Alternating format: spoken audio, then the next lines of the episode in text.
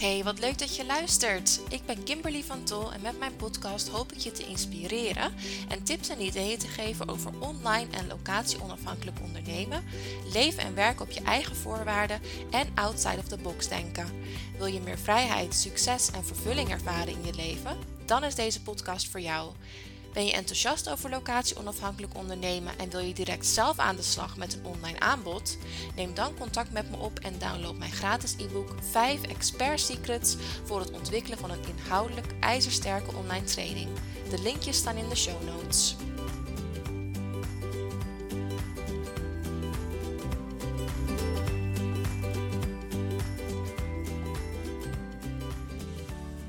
Hi Elise. Hey, hallo. Hallo, welkom in mijn podcast. Ja, dankjewel. Heel leuk dat ik aanwezig mag zijn. Ja, natuurlijk. Hartstikke leuk dat je er bent. Wil je ons eens kort wat vertellen over jezelf? Waarom hoor jij echt in deze podcast thuis? Ja, dat is een goede vraag. Nou ja, misschien uh, om te beginnen over mezelf. Uh, nou, mijn naam is Elise de Bruyne. Uh, ik woon aan de rand van Veluwe in het prachtige Renkum. Gebeurt niet zoveel. Um, uh, samen met mijn vriend Lennart en uh, samen met mijn hond Buster. Uh, huisje, boompje, beestje, zeg maar. Ehm, nou, ik zou mezelf omschrijven als heel eerlijk, taboe doorbrekend, een echte feminist. En ik hou ontzettend van de kleur paars. Vandaar dat mijn bedrijf Mission Violet heet. En, eh, maar dan komen misschien zo meteen nog wel even terug waarom ik doe wat ik doe. Maar ehm, ja, dat dat eigenlijk. Dus ik heb een eigen bedrijf en ik werk heel veel online. Dus vandaar dat wij elkaar zijn tegengekomen. Precies. Ja, want ik had inderdaad oproepje geplaatst hè, over um, uh, nou, online trainingen en uh, wie, wie daarover zou willen vertellen, wie een succesvolle online training aanbiedt en daar graag over zou willen vertellen. En toen reageerde je inderdaad heel enthousiast. En zo zijn we met elkaar in contact gekomen. En Mission Violet, hè, waar, waar staat dat voor? Ja, dat is natuurlijk een hele Engelse naam voor iemand die in Nederland onderneemt. In ieder geval vooralsnog in Nederland. Um, ik, ja, wat ik al zei, ik ben gewoon heel dol op de kleur paars. Ik vond het eigenlijk ook een heel mooi woord. Maar het staat ook een beetje voor het stoere, het mannelijke in het mission gedeelte en het vrouwelijke in het violet gedeelte. En uh, dat heeft eigenlijk te maken met mijn missie vanuit mijn bedrijf. Dat ik, uh, dat ik wil dat we ja, een balans bereiken tussen mannelijk en vrouwelijk leiderschap. Dat klinkt misschien nog heel vaag, maar wat ik eigenlijk doe is dat ik jonge meiden die aan het begin staan van hun carrière, jonge vrouwen, uh, begeleid naar impactvolle functies, zoals ik dat dan noem. Het kan een hoge functie zijn, maar dat kan ook uh, als verpleegster aan het bed zijn. Um, want ik vind dat je in allerlei posities invloed kunt uitoefenen. Um, en daarmee wil ik eigenlijk meer vrouwen op bepaalde posities helpen. Um, dus eigenlijk hun begeleiden in het begin van hun carrière en als het ware voor hun de grote zus zijn die ik zelf heb gemist aan het begin van mijn carrière en dat ik ja, hun kan gidsen zeg maar, in, het, in het begin. Uh, ja, en, uh, dus eigenlijk wil voorkomen dat mensen in bepaalde valkuilen stappen en nou, alle dingen die bij een eerste baan komen kijken. Ja, precies. En die valkuilen waar je het dan over hebt, hè, wat zijn dat bijvoorbeeld? Nou, uh, ten eerste voor vrouwen is het goed om te weten, zeg ik altijd, dat wij, dat heeft gewoon puur te maken met hoe wij fysiek in elkaar zitten, met hormonen en dergelijke. Uh, dat wij als vrouwen geneigd zijn om onszelf veel lager in te schatten, om heel bescheiden te zijn. Deels is dat, wat ik al zeg, fysiek. Deels is dat ook door opvoeding en hoe onze cultuur in elkaar zit. Um, en de valkuil daarbij is heel erg dat je denkt van, nou ja, oh, er komt een leuke positie voorbij of een leuke kans.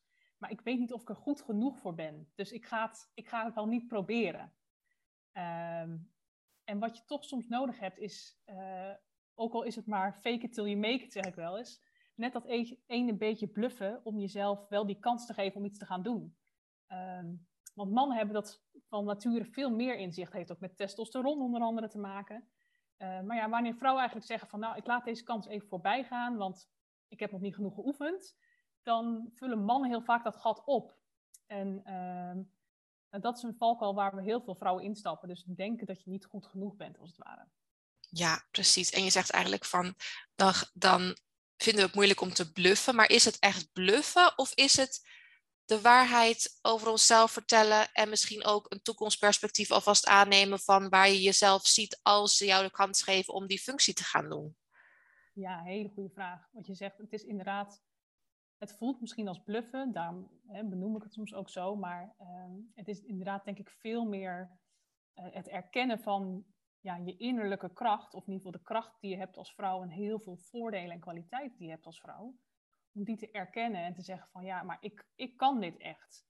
Uh, en daar ook in te geloven. Het zit natuurlijk uiteindelijk heel diep in onszelf. Iemand anders kan uh, jou uiteindelijk geen zelfvertrouwen geven. Dat gaat heel erg over wat er intern gebeurt. Uh, dus zeker, dat is, uh, het is niet eens zozeer bluffen. Soms is dat wel een soort mechanisme waarmee je het soort van kunt internaliseren, noemen ze dat dan. Dus kunt gaan geloven. Ehm, maar het zit al in je. Dus echt bluffen kun je het inderdaad niet noemen.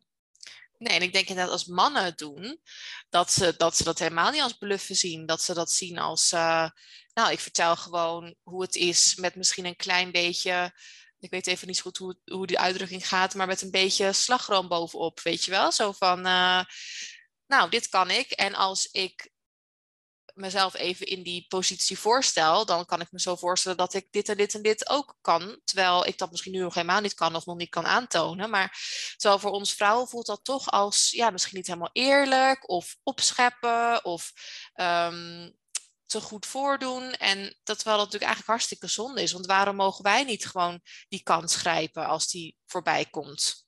Ja, nee, heel goed verwoord. Echt, ik denk dat, dat dat precies de kern is. Want Ehm, ja, mannen maken meer dopamine ongeveer, uh, onder andere aan en uh, nou, allerlei andere hormonen. En je ziet het eigenlijk al heel vroeg beginnen in de, in de speeltuin. Als we op de crash zitten, dan zijn de jongetjes met elkaar een soort van spelletje aan het spelen. Van kijk hoe goed ik ben en kijk wat ik allemaal kan. En, en meisjes zijn daar toch wat bescheidener in. Ja. en natuurlijk geldt dat niet voor iedereen. Hè. Het is natuurlijk heel zwart-wit als ik het zo zeg. Want we zijn allemaal verschillend en hebben allemaal een beetje een mix. Ehm, maar inderdaad, mannen zijn wel geneigd om zichzelf wat hoger in te schatten. Ik zeg ook wel eens consequent te overschatten. Maar dat is ook heel goed hoor. Daar kunnen we als vrouwen heel veel van leren. Dus het is mega interessant om, uh, om dat met elkaar te vergelijken. Ik zeg ook altijd, we kunnen van beide kanten leren. Dus um, de MV in mijn logo staat niet alleen voor Mission Violet, maar ook voor man-vrouw. Want we hebben allebei zulke mooie kanten. Dus het gaat erom hoe, ja, hoe kun je dat met elkaar verweven. Ja, precies. Want inderdaad, in, toen je even jezelf introduceerde, zei je wel hè, van ik ben echt een feminist ook. Ja. Um, maar je zegt wel ook van juist uh, die mannelijke eigenschappen, dat wij die als vrouwen inderdaad veel meer mogen omarmen. Want die hebben we wel. Alleen door onze opvoeding en door onze maatschappij wordt dat niet echt aangemoedigd om die kwaliteiten echt te omarmen. Kijk, je ziet natuurlijk wel ook bijvoorbeeld in films en zo, dat de vrouwen die wel hoog aan de top staan, zijn vaak heel bitchy. Mm Bijvoorbeeld. Terwijl dat hoeft natuurlijk helemaal niet. Nee, nee, klopt. Dus ja, het is heel mooi wat je daar zegt, ook het woord, woord bitchy inderdaad. Um, want uh, kijk, als feminist heb je natuurlijk, uh, voor degene die niet precies weet wat het woord betekent, eigenlijk heel globaal gaat het om dat je gelijke kansen, gelijke machtsverhoudingen, uh, eigenlijk een, eenzelfde arena wilt voor zowel vrouwen als mannen. En, uh, en wat er eigenlijk gebeurt, uh, is dat vrouwen zeg maar, langs een andere meetlat worden gelegd. Dus zeker als je kijkt naar topposities. Ehm, en ik vind bijvoorbeeld, ik, ik, weet niet in hoeverre jij dat volgt, natuurlijk in Canada helemaal, maar bijvoorbeeld de hele discussie hier rondom Sigrid Kaag van D66. Ik zeg niet per se dat ik pro D66, D66 ben. Uh, maar Kaag is een heel mooi voorbeeld van wat er gebeurt als je als vrouw hoger opkomt. Uh, want als vrouw willen we eigenlijk dat iemand voorspelbaar is. Dus we zien vrouwen vaak als lief en als meedenkend. En vrouwen mogen zeker ook slim zijn. Maar wanneer we bijvoorbeeld de politieke arena betreden of, hè, of wat harder uit de hoek komen terecht, dan uh, dan past dat eigenlijk niet in ons plaatje van hoe een vrouw is. En dan worden we al snel bitchy genoemd. Of ook door andere vrouwen hoor, bijvoorbeeld. Mm -hmm. dus dat is echt heel interessant wat daar gebeurt. Dus uh, ja, we mogen onze mannelijke krachten wat meer omarmen, zeker. En de vrouwelijke kracht mag er ook echt zijn, want die is er ook. Maar het gaat echt om het samenspel, inderdaad. Ja, ja precies. En, en wie is bijvoorbeeld jouw klant? Uh, mijn klant, ja, vooral eigenlijk uh, meiden die, nou ja, meiden, uh, jonge vrouwen die of net begonnen zijn met hun eerste grote mensenbaan, zoals ik het even zeg. of dames die al een paar jaar bezig zijn, maar gewoon tegen bepaalde dingen aanlopen. Bijvoorbeeld merken dat hun ideeën er niet doorkomen bij de directie bijvoorbeeld. Hè, of ehm, dat ze continu nou, niet lekker kunnen omgaan op een werkvloer waar bijvoorbeeld heel veel mannen rondlopen. Nou, het kan echt van alles zijn. Ehm, maar het varieert een beetje in nou ja, dames die net afgestudeerd zijn. Ehm, het kan zowel MBO, HBO als WO zijn. Dus als je het heel breed zou pakken, begint het een beetje van de leeftijd 21 tot en met 27. Dus, ja, ehm, precies. Oké. En, en hoe begeleid jij hen vervolgens? Want ik kan me voorstellen dat dat wel twee verschillende trajecten zijn. Of je helemaal aan het begin staat, of dat je misschien al de, de carrière ladder aan het beklimmen bent, maar daar tegen hobbels aanloopt. Eh, hoe begeleid jij de, de vrouwen die bij jou komen? Nou, het kan op verschillende manieren. Um, een van de redenen dat ik ook hier zit is natuurlijk een online programma. Ik heb een online programma dat heet Career Caffeine, dus carrière cafeïne. En dat is echt voor dames die net starten of die wat willen bijleren over hoe je je op de werkvloer kunt gedragen. Dus dan uh, heb je echt een online omgeving waar je inlogt en daar kun je het helemaal op je eigen tijd volgen. Dat gaat bijvoorbeeld van uh, waarom wil je carrière maken, dit soort vragen. Of uh, hoe solliciteer je, hoe ga je om met mannelijke spelregels, et cetera. Dus dat is echt de online leeromgeving. En dan krijg je ook toegang tot een online community. Nou, dat, daar zal jij vast ook alles van weten. Dus dan kun je elkaar heel erg supporten. Dus dat is een soort extra element.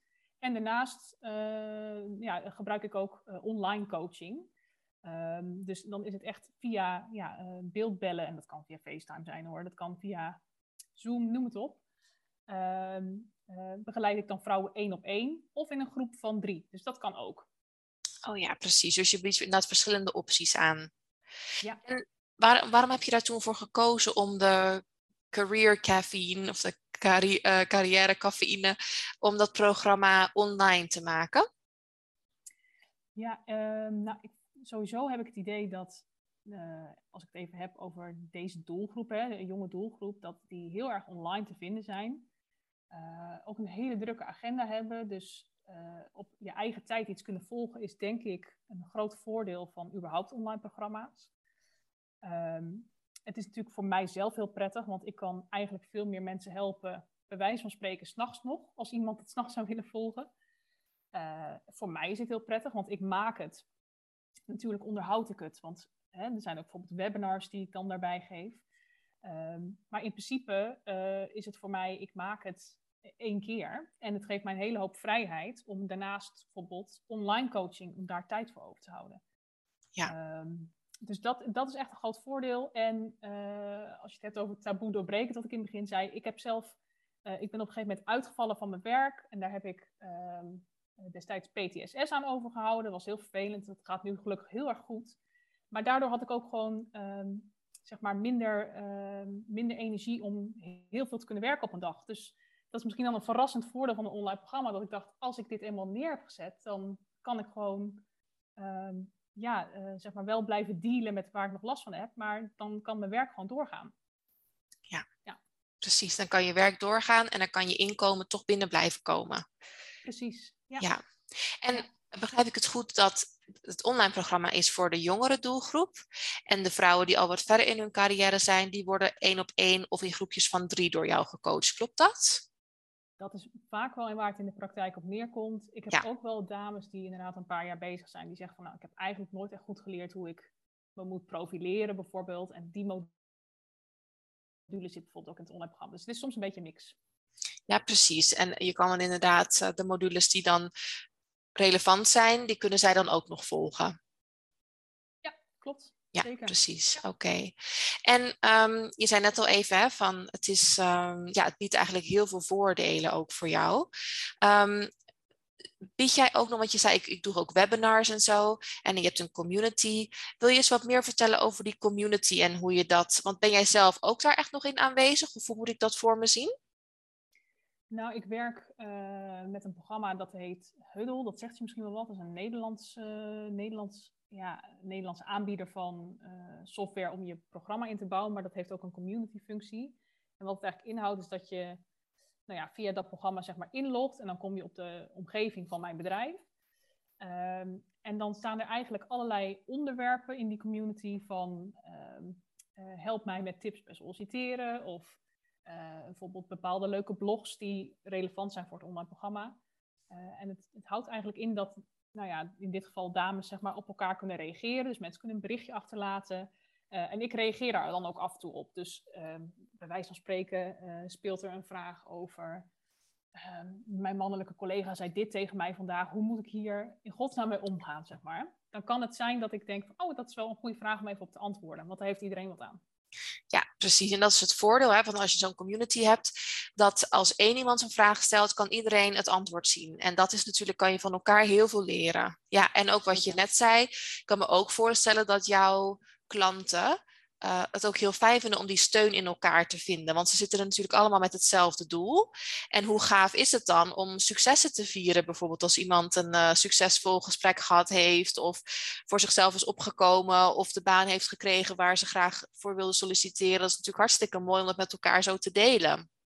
Zeker, ja joh, dat is echt een soort van kers op de taart. Dat vind ik zo mooi aan de online communities, maar überhaupt online uh, communiceren. Dus dat is ja. prachtig.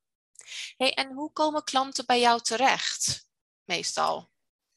Nou, nu nog heel veel via via. Dus mensen die van horen zeggen bij mij terechtkomen. Um, ook wel via Instagram. Uh, uh, kijk verder, ja, een website natuurlijk. Die is nog een beetje in de optimalisatie. Dus of mensen me er echt kunnen vinden, dat hoop ik over een paar weken te veranderen. Maar veel via via nog, merk ik. Ehm, en het is nog heel erg aan het groeien. Dus het, uh, hoe lang staat het? Nog niet eens zo heel lang, een halfjaartje of zo. Ja, precies. Uh, veel via via merk ik, ja.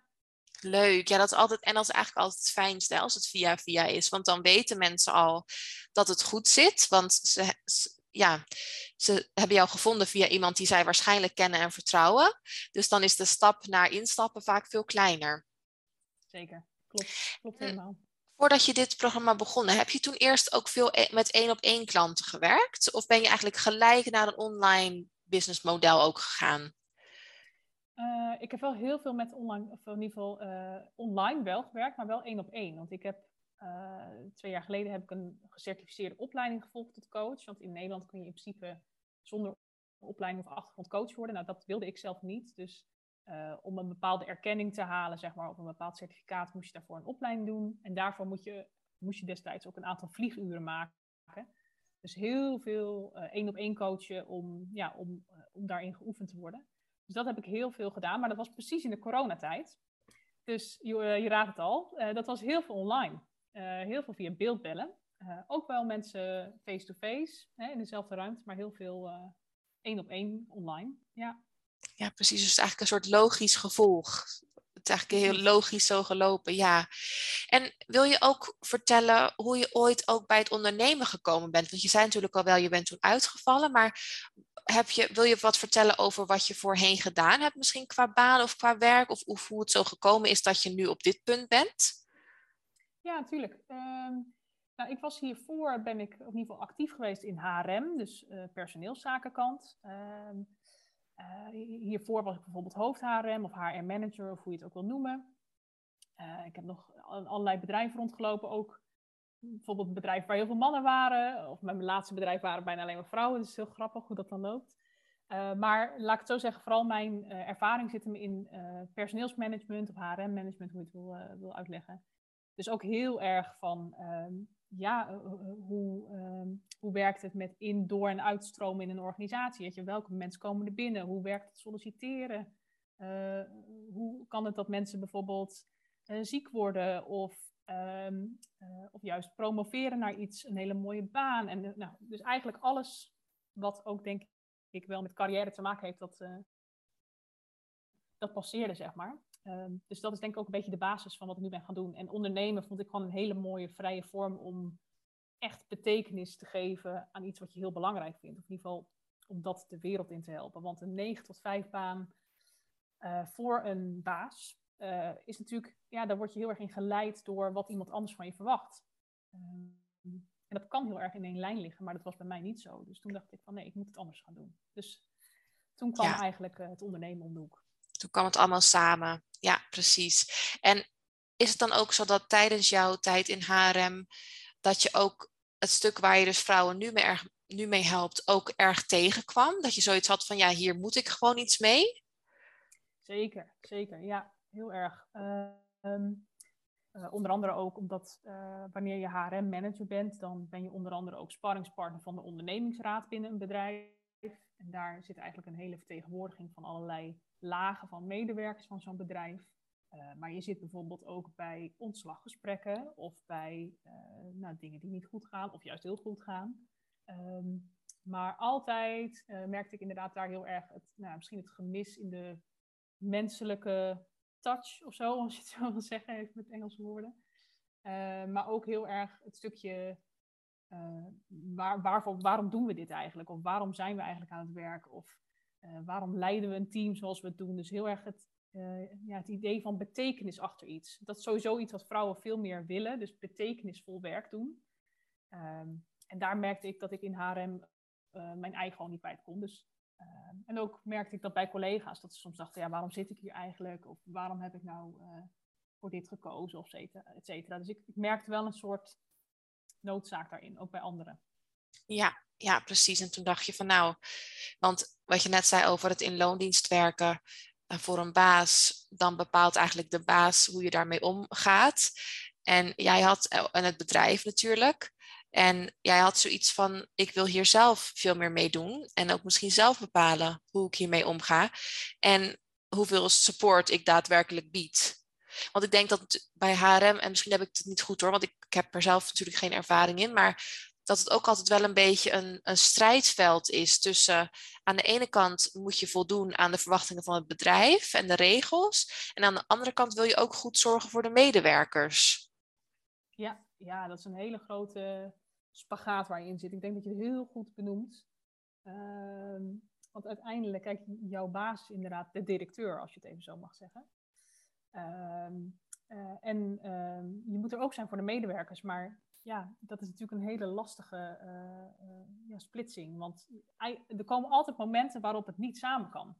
Nee, precies. Ehm, dus uh, zeker, daar, dat merkte ik ook. Dat ik, ik liep daar wel echt op leeg. Dat ik ook dacht van ja, ik, ik kan hier gewoon niet mijn kwaliteiten inzetten. Nee. En als eigen ondernemer, en zeker natuurlijk met online ondernemen, heb je zoveel meer vrijheid in hoe je iets aanpakt, waar je het aanpakt. Hè? Zoals misschien ook andere podcastgasten van jou bij wijze van spreken in, uh, ik zeg wat, in Japan of Mexico of zo zouden kunnen werken. Uh, ja, dat kan niet op je HR-kantoortje in, uh, nou, noem het een, een, een, bepaalde stad in Nederland. Dus ehm, ja, er was veel om voor te kiezen, zeg maar. Of in ieder geval veel voordelen. Ja, precies. En volgens mij um, vertelde jij ook in uh, de vragenlijst die ik je even had toegestuurd, dat er voor jullie ook misschien wel een buitenlandavontuur op de planning staat. Klopt dat? Ja, dat klopt. Ja, dat was ik alweer even vergeten te vertellen, inderdaad. Maar um, nee, mijn vriend is militair, die vliegt voor de luchtmacht. En um, dat, dat, komt sowieso vaak voor dat hij in het buitenland is daarvoor. Um, maar er zijn ook bepaalde buitenlandplaatsingen die hierbij kunnen komen kijken. En ja, we zijn nu in het traject om ja, eigenlijk te kijken naar uh, wat is er mogelijk om naar Amerika te gaan. En dan heb je het over Texas. Dat is natuurlijk ook wel echt een hele specifieke staat in Amerika. Um, uh, maar dan zijn we eigenlijk aan het kijken, niet zozeer van willen we dit, maar hoe gaan we het inkleden en, uh, en wat is er mogelijk. Ehm, dus ja, dan is online werken natuurlijk ook weer een soort van geschenk uit de hemel, als dat kan voor mij. Ehm, dus dat is hartstikke prettig. Ja, zeker, want dan kan jij je werk gewoon meenemen natuurlijk. Ja, zeker. Ja, en hebben jullie daar echt nog keuze in waar hij geplaatst wordt? Of, of is dat, wordt dat bepaald? Of hoe werkt dat? Nou, het is eigenlijk op basis van vrijwillig inschrijven, zo zou ik het even willen zeggen. Dus het is nooit, het is, als je het bijvoorbeeld hebt over meerdere jaren die kant op gaan, wat nu voor ons misschien even wat lastiger is in verband met een KVK-inschrijving die je in Nederland moet hebben, uh, voor mij. Maar uh, je, je kunt je eigenlijk vrijwillig opgeven als jij zegt van nou, ik wil er een paar jaar heen, of in ons geval dat we misschien een half jaar of zo kunnen gaan. Nou, er zijn allerlei varianten in. Um, uh, maar daar, daar, kun je jezelf voor aanmelden en toevallig het werk waar hij dan um, uh, ja, mee bezig is, de, de, de basis, zeg maar, waar we dan naartoe moeten, die zit echt heel specifiek in Texas. Dus in die zin hebben we daar geen keuze in. Maar uh, nou ja, het is een hele interessante staat. Dus het, het, zal ook zeker een avontuur zijn mochten we daarheen gaan. ja, dat geloof ik ook. Ja, hartstikke gaaf. En ook mooi dat dat dan zo op je pad komt en dat dat ook kan. En dat jullie dan beide gelijk werk hebben. Ja, dat is natuurlijk ideaal. Ja, ja zeker. Ja, Leuk. Nou, dat is wel. Uh, nou, we houden je in de gaten om te zien uh, hoe dat allemaal gaat. Ja, zeker doen. Even kijken, nou, we hebben natuurlijk al best wel heel veel ehm, besproken. Waarom zou je anderen ook aanraden om bijvoorbeeld een online programma te maken? Want je zei net al even van ja, ik vind, nou ja, dat online ondernemen, dat voelt echt als een geschenk uit de hemel. Ehm, waarom zou je het anderen ook aanraden? Ja, ik denk ehm, nou, deels om echt je persoonlijke missie of visie te kunnen verkondigen. Eh, er moet natuurlijk wel een markt voor zijn, maar eh, ik denk om heel erg te ondernemen vanuit je hart. Ehm, online ondernemen geeft nou ja, eh, veel ruimte in de zin van waar je, waar je op dat moment bent. Dat maakt niet zoveel uit. Dus bij wijze van spreken kun je tijdens je vakantie nog even snel wat doen. Dat is niet de bedoeling tijdens vakantie, maar er is gewoon, je hebt veel meer bewegingsruimte. Um, ja, en, en ik, ja, een van mijn grootste voordelen, denk ik, uh, is toch ook wel dat je het over kunt brengen op een groot publiek. Uh, dus als je een hele sterke visie of missie hebt en je wilt echt dat zoveel mogelijk mensen daarvan af weten, dan is dit ideaal. Ja. ja. precies. Want je bent inderdaad niet gebonden aan één op één uren. Je kunt zoveel mogelijk mensen helpen. En wat je net ook al zei, die kunnen ook, stel dat zij s'nachts wakker liggen van dit probleem, en denken van, nou, ik, ik voel me gewoon niet zeker genoeg. Hoe moet het nou allemaal met mijn werk? Um, was daar maar iets voor? En ze komen jou tegen, dan kunnen ze direct beginnen. Op het moment dat zij het nodig hebben. Ze hoeven niet te wachten voor een, op een afspraak met jou. Nee, exact. exact. Dus mensen hebben daar heel erg ook zelf de vrijheid in. Dus ja. ik denk dat dat voor mensen ook heel fijn werkt. Ja. Ja, precies. Hartstikke leuk. Hey, dan gaan we uh, langzaam afronden. Um, waar kunnen we jou volgen en wat deel je precies? Ja, goede vraag. Uh, nou ja, mijn website is missionviolet.nl um, en ik ben op Instagram ook vooral heel veel te vinden. Dat is elise.missionviolet. En daar deel ik eigenlijk vooral ook heel veel tips over nou ja, verschillen tussen mannen en vrouwen en hoe je daarmee om kunt gaan. Uh, maar ook tips over mindset of zelfvertrouwen. Er komt eigenlijk van alles voorbij. Dus, dus hartstikke leuk. Ja, nou, dan gaan we je zeker volgen. Ik zet ook jouw linkjes eventjes in de show notes van de podcast, zodat mensen ze daar ook kunnen vinden en even door kunnen klikken. Heel leuk dat je er was, dank je wel. Uh, blijf nog even aan de lijn. Er hangt nog niet op, maar ik ga de opname zo stopzetten. Dus uh, superleuk dat je er was. En uh, bedankt voor het inspirerende gesprek. En ja, je hebt me ook wel ook weer stof tot nadenken gegeven over um, ja, voor, jezelf, voor jezelf echt gaan staan. En ook als vrouwelijke ondernemer denk ik dat dat toch ook nog wel iets is waar we nog wel wat werk te doen hebben. Ja, dus misschien een oproep juist aan alle vrouwelijke ondernemers die nu luisteren. Ga naar Kimberly, laat je goed inlichten, want um, een goede basis, dat wil ik nog wel even zeggen, achter online programma is ontzettend belangrijk. Hoe je iets overbrengt, hoe het didactisch overkomt, zeg maar. Um, maar goed, als je wilt slagen en als vrouw dus um, nou, misschien daar ook impact mee wil maken, ik zou zeggen, uh, ja, ga zeker naar jou toe. Ja, dat zou echt ook wel een tip van mij zijn. Laat nou, je, dank je. Ja. ja, nou ja, ben ik wel helemaal met je eens inderdaad. Weet je, een goede inhoud is natuurlijk toch echt de basis. Zorg dat je training verkoopt. Zorg dat mensen hem afmaken. Zorg dat mensen hem aan anderen aanbevelen. Dus het is echt wel waar het mee valt of staat. Dus uh, dank je dat je dat nog even noemt. Ja, en daar ben ik het natuurlijk helemaal mee eens. Zeker, nou, dank je wel. Dankjewel Elise, leuk dat je er was. Dankjewel, doeg. Doeg.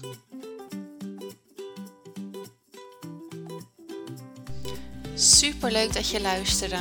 Vond je deze podcast inspirerend? Deel hem dan vooral met anderen op social media en vergeet mij niet te taggen.